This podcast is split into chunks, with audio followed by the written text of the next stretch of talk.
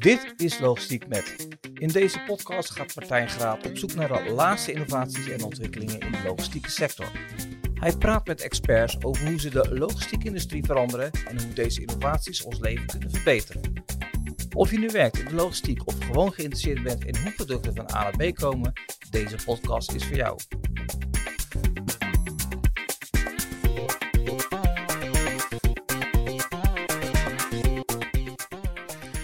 Dit is Logistiek met Mark Bekkers en Henk-Jan van Donkelaar.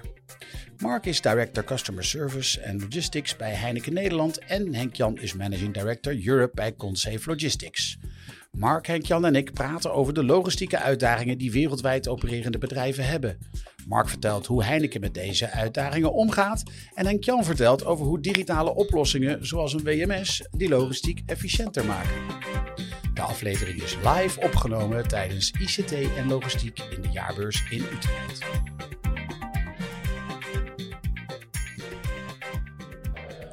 Mark, welkom in de podcast. Ja, dankjewel. Leuk hier te zijn. Uh, Henk-Jan, welkom in de podcast. Dank je vriendelijk en Ja. eh, eveneens leuk om hier te zijn. En eh, we hebben eh, meer mensen in deze podcast, want we nemen deze podcast live op eh, tijdens de ICT en logistiek. Dus we hebben ook een eh, publiek. Welkom publiek. Ja, dank jullie wel, dank jullie wel. Ehm, dit is de podcast Logistiek Met en die begint eigenlijk altijd met dezelfde vraag. En eh, die vraag is, Mark, wat heb jij met logistiek? Goh, wat heb ik met logistiek? Nou, ik moet zeggen, als kind zeg maar niet dat ik eh, altijd droom had om logistiek manager te worden. Hè. Dan wil je altijd profvoetballer worden, et cetera. Dus, maar ik, ik heb TU gezeten in Eindhoven. Daar kreeg ik voor het eerst dat gele boek van Ploos van Amstel in mijn handen gedrukt. Hè. Fysieke distributie, denken in toegevoegde waarde. Nou ja, dat zijn mooie termen. Uiteindelijk, logistiek voor mij is, is het ketendenken. Je kunt, je kunt heerlijk hè, optimaliseren, problemen oplossen. eh, maar vooral ook, denk ik, het internationale karakter. Het heeft mij over de hele wereld gebracht, eh, zeker via Heineken. En waarin ik eh, logistieke problemen kon oplossen in Congo, Taiwan, Costa Rica. Ik kon het zo gek niet bedenken. Hè, een brouwerij in die voorkeurs neergezet. En dat is voor mij logistiek. Het is, het is, die, het is die keten, dat internationale, hè, dat, dat optimaliseren. Dat, je kan je lekker je brein gebruiken en tegelijkertijd een hele avontuurlijke eh, ja, eh, touch eh, is erbij. Dus eh, het heeft mij heel veel gebracht in mijn leven. Ja. Ja, mooi. Ik, eh, ik, heb, ik krijg nu wel meteen zo'n gevoel van, oeh, dat, daar had ik, bij een hoop van die dingen had ik wel bij willen zijn. Ja, logistiek is fantastisch. Ehm, eh, Henk-Jan, wat heb jij met logistiek? Ja, wat ik met logistiek heb gaat eigenlijk in het verlengde van wat Mark net vertelde. Ook terug naar mijn studententijd. Eh, ik heb een afstudeerscriptie geschreven met als onderwerp logistiek en het toepassen van het elektronisch uitwisselen van data. Eh, en van daaruit ben ik eigenlijk altijd in de logistiek blijven ha- hangen. Eh, en vandaag de dag is data nog altijd iets wat super actueel is. Eh, de vormen van data over de jaren heen is wel weliswaar wisselend geweest, maar het heeft altijd toegevoegde waarde gebracht in logistieke operaties. En dat houdt mij elke dag uit bed en word ik super vrolijk en enthousiast van. Dus ik heb heel veel met logistiek en ik zie mij ook niet iets anders gaan doen dan in het logistieke werkveld actief blijven. Ja, nee, eh, werken in logistiek is gevaarlijk. Het is erg verslavend. Ik ben dat helemaal met je eens. Ehm, ehm, Mark, eh, eh, als we, we kijken naar, ehm, naar logistiek, dan hebben we nu te maken met momenteel met grote uitdagingen. Er zijn vele verstoringen geweest in de supply chains in de afgelopen jaren. Welke, welke grote uitdagingen zie jij in het algemeen en, en misschien ook wel meer specifiek, met welke uitdagingen heb je met Heineken te maken? Ja, nou, je refereerde zelf al even aan. eh, 2022 was een knotsgek jaar. Eh, wij noemen het een jaar met, met, met knaldrang. Hè? Dus je had dat COVID net gehad en iedereen begon weer met bier drinken en feestvieren. Ja. En over de hele wereld eh, was ook de supply chain volledig verstoord. Hè? Dus, dus havens waren verstopt, containers stonden niet op hun plaats. Dus hè, vanuit onze Nederlandse operatie, eh, zeker naar Amerika, hadden we heel, heel, heel veel problemen. Eh, inmiddels zijn die wat gekalmeerd. Eh, maar wat je nu ziet is dat het verschuift naar eh, de volatiliteit van de vraag. Hè? Het, het, het, Ja. het gaat nog steeds alle kanten op hè, met, de, met de vraagvoorspelling. En, en daar zit bij ons nu even de grote uitdaging van oké. als je nu, oké, het is wat stabieler geworden, het is wat rustiger geworden, we moeten heel alert blijven. Maar tegelijkertijd, hè, de vraag verplaatst zich continu. Hè, tussen verschillende producten, tussen verschillende channels, tussen verschillende markten. En daar moeten wij als supply chain operatie bij Heineken continu op, op kunnen reageren. Ja, en, en Henk-Jan, als jij naar uitdagingen kijkt in de logistiek, ehm, eh, wat zijn dan de uitdagingen eh, die jij tegenkomt of die je vooral bij je klanten ziet? Nou, wat aansluitend bij wat Mark, Mark zegt, bij onze klanten zie je ook heel veel dynamiek. Dat betekent eigenlijk dat voorspelbaarheid een soort toverwoord aan het worden is. Dat hoe meer ik naar voren kan kijken, hoe beter het is om die dynamiek op te kunnen vangen. En daar heb je data voor nodig. Dat betekent dat als we kijken naar onze oplossingen, warehouse management, dat wij artificial intelligence tools geëmbedded hebben in onze oplossing. Juist ook om voorspelbaar te kunnen zijn. Eh, dat is een belangrijk eh, gegeven. Anderzijds zie je ook dat duurzaamheid een enorm hot topic is. Eh, en ook daar is het belangrijk dat je op basis van data gewoon minder kilometers in je warehouse rijdt. en ook minder lucht gaat verschepen. want dat is ook nog wat we vandaag nog steeds wel zien. Dat er te veel lucht wordt verscheept. En op basis van artificial intelligence kun je eigenlijk de klantorde op de meest efficiënte manier eh, in het juiste doosje of eh, verpakking eh, verzenden. Ja, en, en nou is groen voor Heineken al heel lang een, een belangrijke kleur. Um, maar jullie doen ontzettend veel op dat duurzaamheidsgebied. Ja, we hebben vier pijlers. Hè? Dus je hebt, uh, wilt betrouwbaar zijn, je wilt kostenefficiënt zijn, uh, je wilt groen zijn en je wilt de plek om te werken zijn. Hè? Om ook het personeel ja, ja. Uh, aan je te binden en, en te blijven. Um, die, die, groene component, um, uiteindelijk is, is je lange termijn visie. Hè? Dus, dus zeker, eh, onze productie wordt per 2028 uh, CO2-neutraal. Maar de hele keten, uh, daar hebben we tot 2040 voor onszelf de tijd voor gesteld. Maar je moet nu al keihard beginnen hè, om, dat, om voor elkaar te krijgen. En daar zijn we dan met een aantal trajecten mee bezig. Hè? Electrification van transport.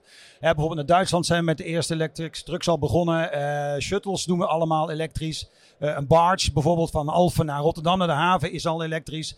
Uh, deep sea freight is nog een uitdaging als je de lange, ja. hè, maar we zijn ook al in gesprek natuurlijk met Maersk nu om meer gebruik te maken van methanol, om daar bij de schepen mee door te gaan. Dus je ziet, je ziet we maken stapjes, maar het is nog een hele, hele lange, moeilijke weg. Ja.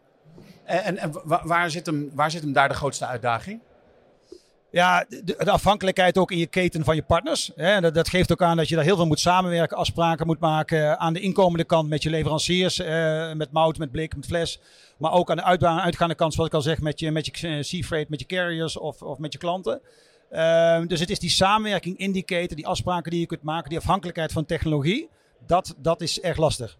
Ja. Ja, helemaal correct. En je ziet het ook in onze samenwerking met Heineken, dat zij ook aan ons vragen: Goh, wat doen jullie aan sustainability en hoe gaan jullie ons helpen om onze carbon footprint in de warehouse-operatie te verminderen? Dat betekent dat aan onze kant wij met klanten afspraken maken en gaan meten eh, KPI's op jaarbasis en die gaan we ook publiceren, uh, omdat het ook voor ons belangrijk is. En, um, en, en wat, um, wat doen jullie dan met WMS-software waar je de, vooral uh, op het uh, duurzaamheidsvlak uh, je klanten kan ondersteunen? Ja, wat we vanuit het WMS doen, is wat ik daar straks ook aanraakte, is daar gaat het eigenlijk om zo min mogelijk kilometers maken in je warehouse. Dat betekent gewoon effectief minder rijden, waardoor je minder uitstoot hebt. En het selecteren bijvoorbeeld van de juiste verpakking om te verzenden. Dus dat je niet meer lucht vervoert, maar precies het juiste pakketje hebt.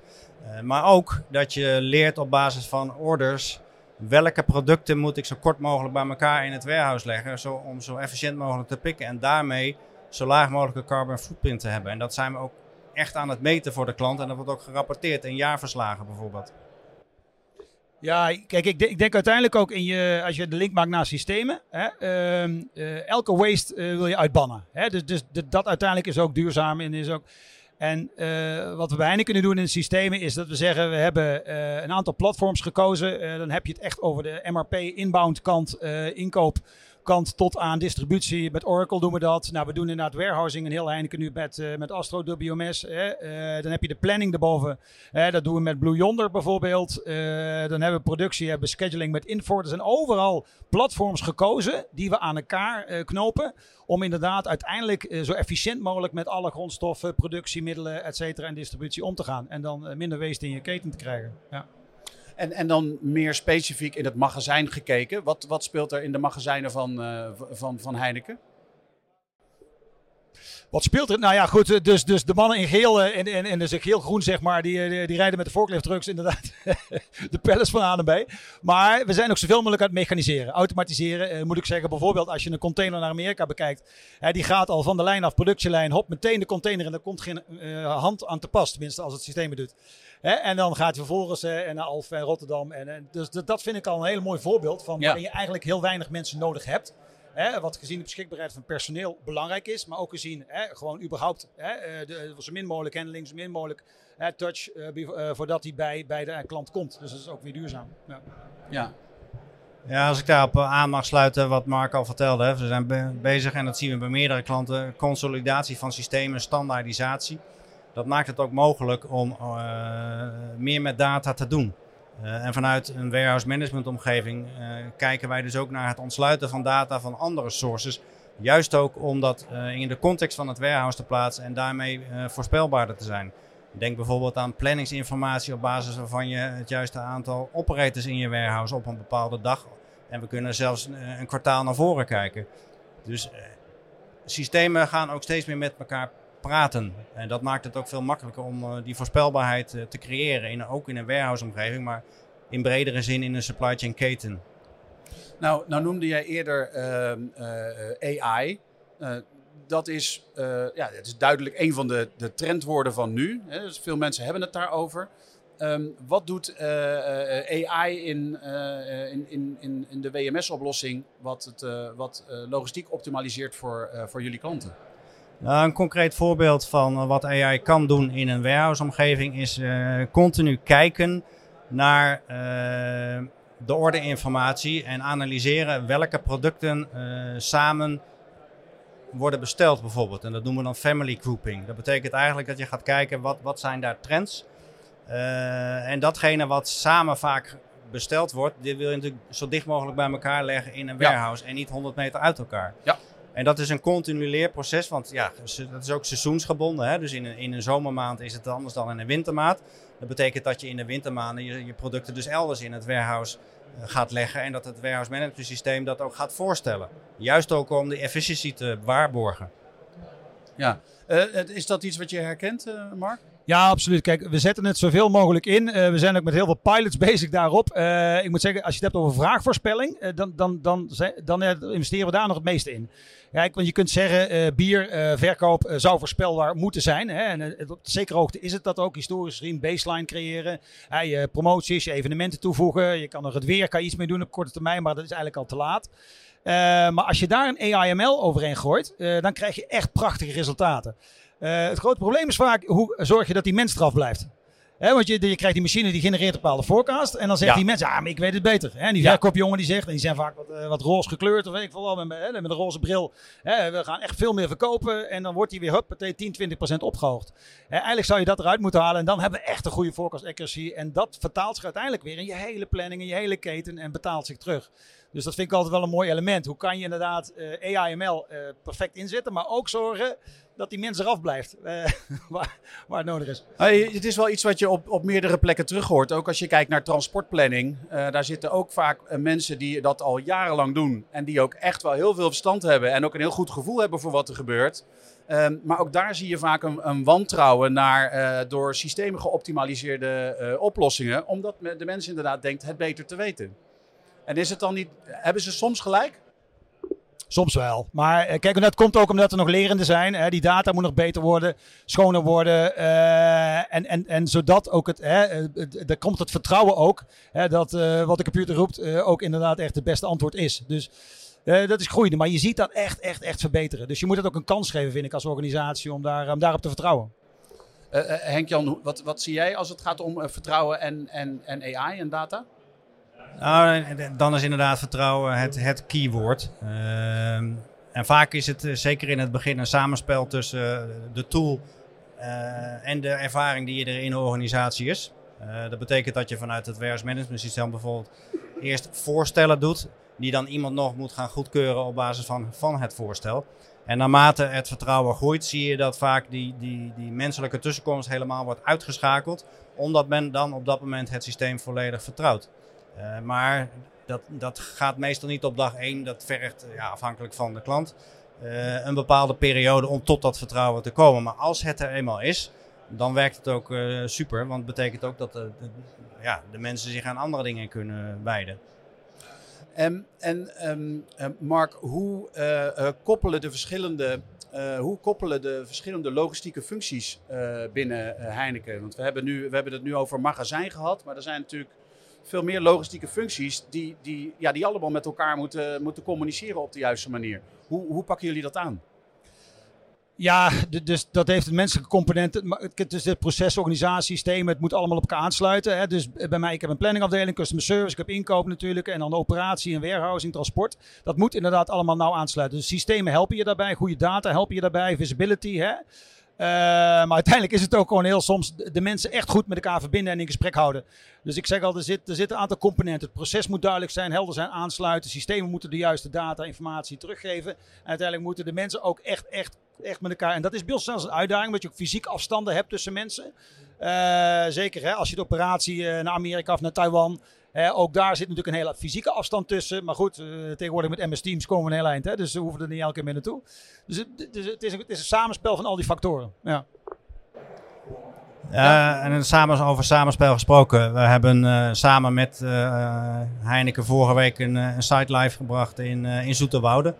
En daar zie je ook dat samenspel eigenlijk het keyword is. Hè. Dus je ziet eigenlijk dat toen ik er kwam op zaterdag, was dag 1 van de Go Live, dat het echt één team is. Uh, en dat is denk ik waar ook het grootste, de grootste succesfactor is. Dat ja, je hebt bepaalde technologie. Maar als je elkaars taal niet spreekt, dus je probeert ook elkaar uh, positief te challengen. En uiteindelijk voor de juiste oplossing voor Heineken in dit geval te komen. En daar ligt ook, afgezien van welke technologie er onderliggend is, een grote succesfactor. Hoe, hoe gaat zo'n proces? Dus van, van start uh, van, van start dat jullie samenkomen en zeggen: Goh, er is een, uh, een, een, probleem rondom warehousing en software kan dat oplossen. Tot het punt dat je, dat je op, op zaterdag de, de, bij wijze van spreken de knop omzet en de site live zet. Wat voor, wat voor stappen doorloop je dan samen? Ja, dat is eigenlijk een heel lang proces. Maar de, de, de basis ligt in het feit dat je gezamenlijk komt tot uh, het beschrijven van hoe het systeem de operatie zou moeten gaan ondersteunen. En vaak zie je in dat proces al een stukje change management, omdat dat op, op nuance anders kan zijn dan wat men gewend is 30 jaar eh, te doen. Uh, en uiteindelijk is dat de blauwdruk van de oplossing en die moet dan vervolgens gebouwd worden, getest worden enzovoort. En dan ga je live. Maar de, de echte basis voor het succes ligt eigenlijk in de allereerste fase waar je gezamenlijk een, een functionele omschrijving gaat maken van hoe het systeem de operatie zou moeten gaan ondersteunen. Ja, eh, Mark, hoe, hoe kijk je daar van, van klantzijde tegenaan? Ja, dus even kijk, bij Heineken uh, zijn we inmiddels zover. Uh, dat heeft lang geduurd dat we beslissingen op, uh, op wereldwijd niveau nemen. Hè? Dus welke platforms, welke pakketten kiezen wij voor warehousing, voor transport, voor et cetera. Hè? Uh, nou, in het geval van warehousing gekozen hè, uh, voor Astro. Uh, trouwens, we doen ook IWM. We hebben er twee. We hebben er twee bij twee. Ja. Maar goed, op het moment dat, je, op het moment dat je die keuze is gemaakt, dan ga je inderdaad in gesprek over de behoeften. in de Heineken Nederland Supply in dit geval. En uh, maar tegelijkertijd kijk je ook naar implementaties elders. Dus Ethiopië, Vietnam zijn we ook bezig. Dus je leert ook weer van andere implementaties bij Heineken. Zodat dat je niet alleen staat. Dus het is inderdaad heel goed spec requirements. Hoe vullen we het in? Hoe, uh, wat wordt het design en implementatie? En tegelijkertijd hebben wij denk ik het voordeel hè, met 200 brouwerijen wereldwijd. Dat je, dat je ook naar elkaar, eh, naar de andere, andere sites kunt kijken. Hoe zij dingen oplossen. En daar van elkaar weer kunt leren. Dus dat samenspel is denk ik heel belangrijk. kun je een aantal van die leerpunten delen? Uh, ja, ik denk, denk met name als je het hebt over uh, specifieke processen. Het gaat over beladen, het gaat over track and trace. Dan, dan denken wij altijd ook weer, en misschien is het Nederlanders eigen, hè, van wij doen dat weer op onze eigen manier. Of wij, hè, wij zijn anders in Zoeterwoude. Nou, en daar moet je vanaf ja. stappen. Dus, ja. dus dat bedoel ik, dus dan ga je kijken goed naar anderen. Hé, hey, wacht even. Het kan dus ook zo. Het kan ook zo. Je kan je proces of je organisatie ook iets wijzigen. Hè, waardoor hè, de, de standaardoplossing wel past. Dus je hoeft niet altijd dat systeem aan te passen aan je local requirements, zeg maar. Dus dat is een van de leerpunten die wij wel getrokken hebben. Um, en, en, zie jij, wat zijn de leerpunten die jij uh, trekt uit uh, op, op zoveel verschillende locaties binnen een organisatie uh, WMS implementeren?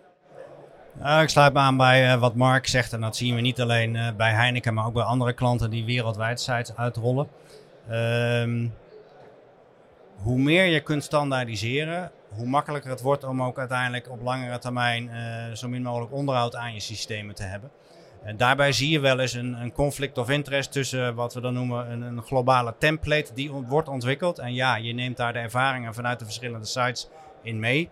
Alleen als je dan met die template naar een nieuw land gaat, dan gaat dat nieuwe land per definitie zeggen: ja, maar bij ons werkt dat toch net anders. Dus wil je dat toch even aanpassen. En dan ontstaat eigenlijk een spanningsveld.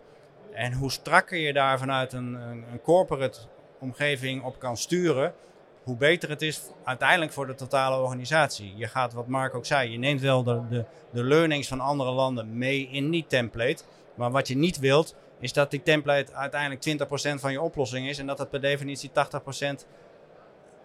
ja, specifiek voor een ander land is. Want dan mis je eigenlijk hetgeen wat je wil bereiken. Dus daar, daar zit het voornaamste spanningsveld. En ik denk dat, uh, dat, dat onze klanten daar ook gewoon stappen hebben gemaakt. En dat wij onze ervaringen met klanten weer kunnen inbrengen. Bij Heineken in dit geval van hey, ga eens met die klant praten. Die hebben dat op vergelijkbare manier gedaan. En neem hun learnings mee in je eigen reis.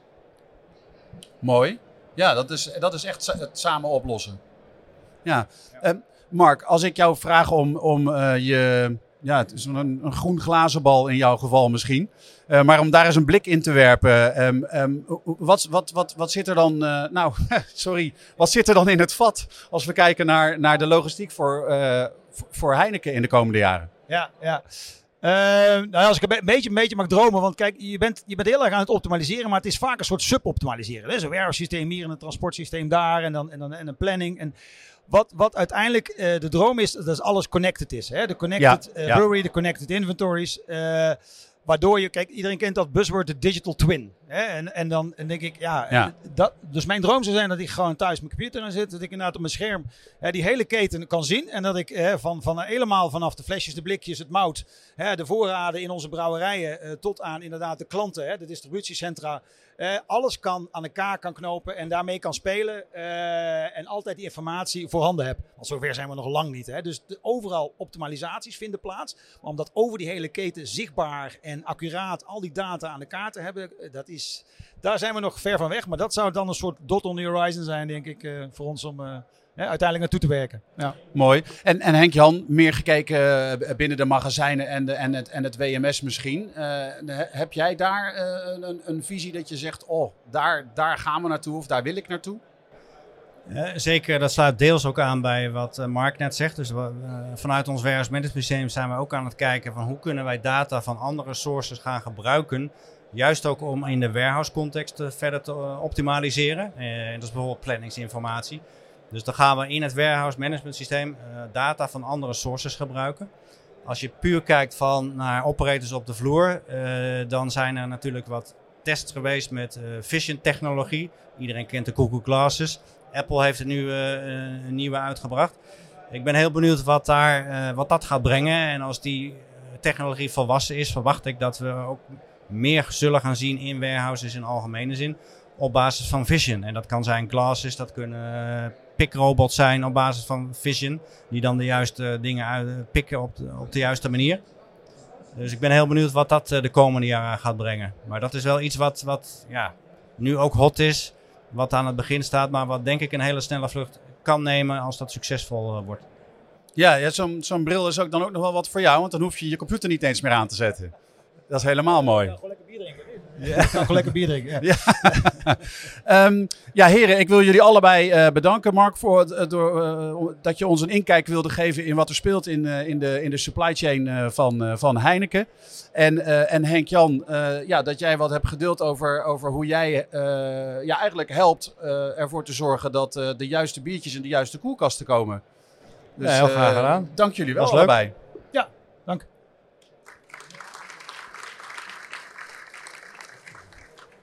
Ja, dan hebben we nu ruimte voor uh, vragen. Dus als er iemand in het uh, publiek is die zegt, nou, ik, uh, ik wil wel iets meer weten van de WMS of ik wil iets meer weten van hoe Heineken de dingen aanpakt, dan zou ik zeggen, grijp je kans. Goeiedag, ik ben Henry Grolleman van Windesheim. En mijn vraag aan jullie is, jullie hadden het net over AI en, en machine learning.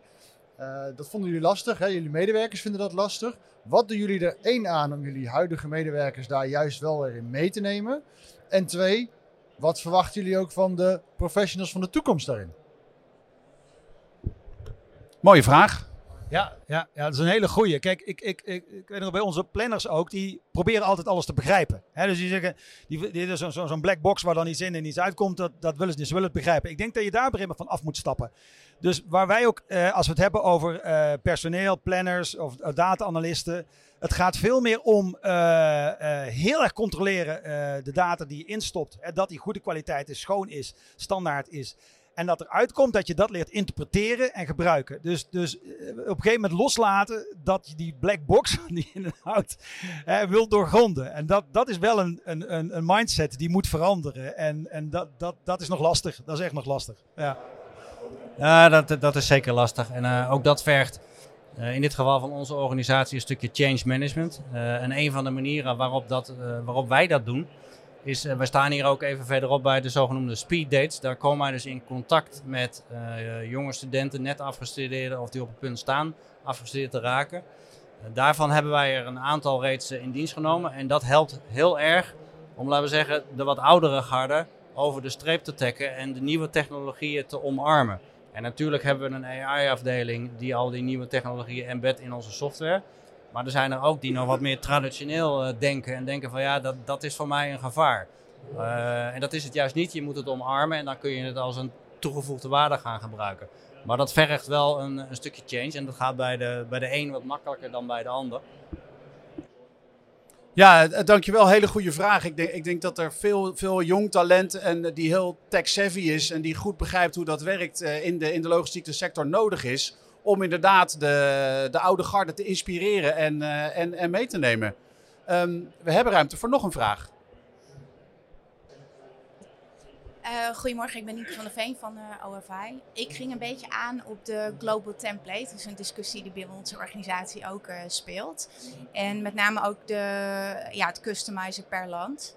de discussie die dan vaak ontstaat is dat de, de customization is vaak ook dat je daardoor efficiency slagen maakt voor je medewerkers.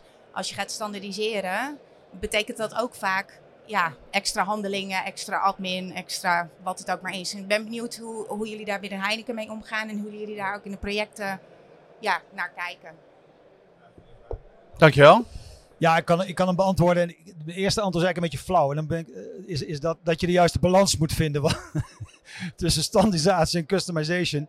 En ik moet eerlijk zeggen, bij Heineken zitten we vaak uh, een groter deel customization. Hoor. Dus we zijn, ondanks dat we een vrij standaard product hebben en het is allemaal niet zo heel ingewikkeld, dan zouden we eigenlijk elke brouwerij en elke distributie uh, op een hele standaard manier overal ter wereld moeten kunnen doen.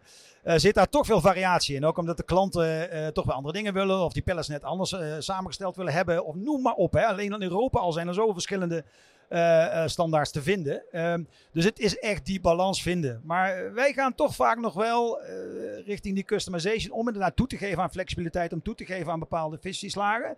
Maar een bepaalde basis echt moet, moet echt standaard. Anders dan ga, je, dan ga je volledig nat op lange termijn. Dus ja, misschien een flauw antwoord, maar dat is echt hoe we ermee omgaan. De juiste balans vinden tussen standaard en customization. Maar beide worden toegelaten.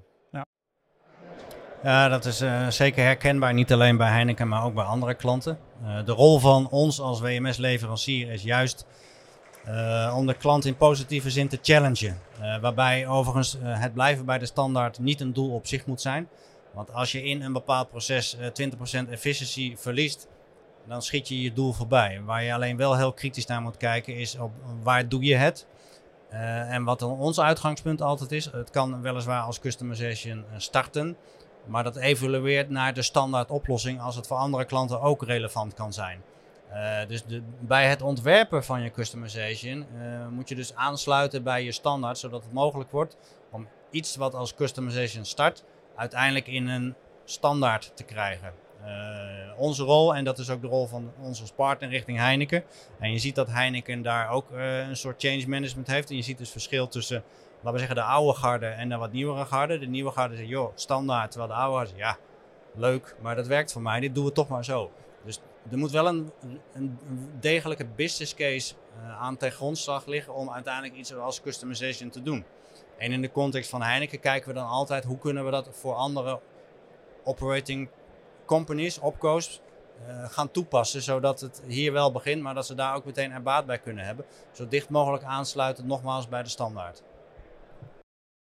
Nou, uh, dankjewel voor twee uh, bijzonder mooie vragen. Uh, dan zijn we aan het einde gekomen. Dus wil ik nogmaals Mark en Henk-Jan bedanken. En de, de vragenstellers ook. Dank jullie wel.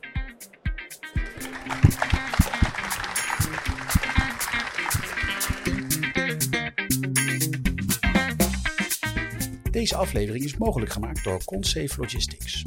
Consafe Logistics is een toonaangevend internationaal bedrijf voor softwareontwikkeling in magazijnen. Met hun flexibele en modulaire warehouse management systeem Astro WMS helpen zij bedrijven in alle sectoren met het optimaliseren van hun logistieke processen. Kijk voor meer informatie op consafelogistics.com. Logistiek Met is een productie van Klets Media en Logistics Matter. De podcast is geproduceerd door Dimitri Vleugel. De muziek is van Galaxy Productions. Wil je ook te gast zijn in een aflevering van Logistiek Met? Stuur dan een e-mail naar logistiekmet.logisticsmatter.com. Voor meer over innovaties in de logistiek kun je terecht op logistiekmet.nl. En vergeet niet de podcast te volgen in je podcast-app, dan blijf je op de hoogte van nieuwe afleveringen.